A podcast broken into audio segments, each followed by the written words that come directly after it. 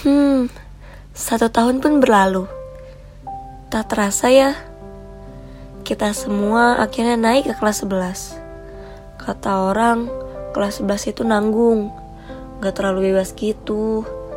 Di satu sisi harus dewasa karena punya adik, di sisi lain harus hormat karena punya kakak. Tapi bagiku tergantung orangnya sih.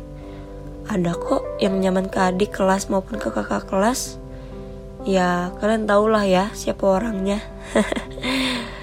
Maksudku Raka Cowok terhambel By the way Sejauh ini Aku merasa banyak perubahan. Aku ikut OSIS loh. Terus jadi sibuk-sibuk gitu Seru.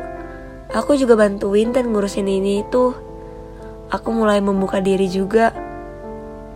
Mulai berani bercerita panjang lebar aktif bertanya juga kalau ada forum.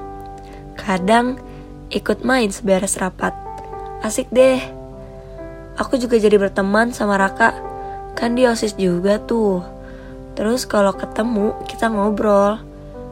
Cerita tentang sehari-hari di kelas, ngomongin guru, ngomongin gosip yang beredar, dan banyak hal gak penting lainnya. Ternyata seru banget ya punya banyak teman.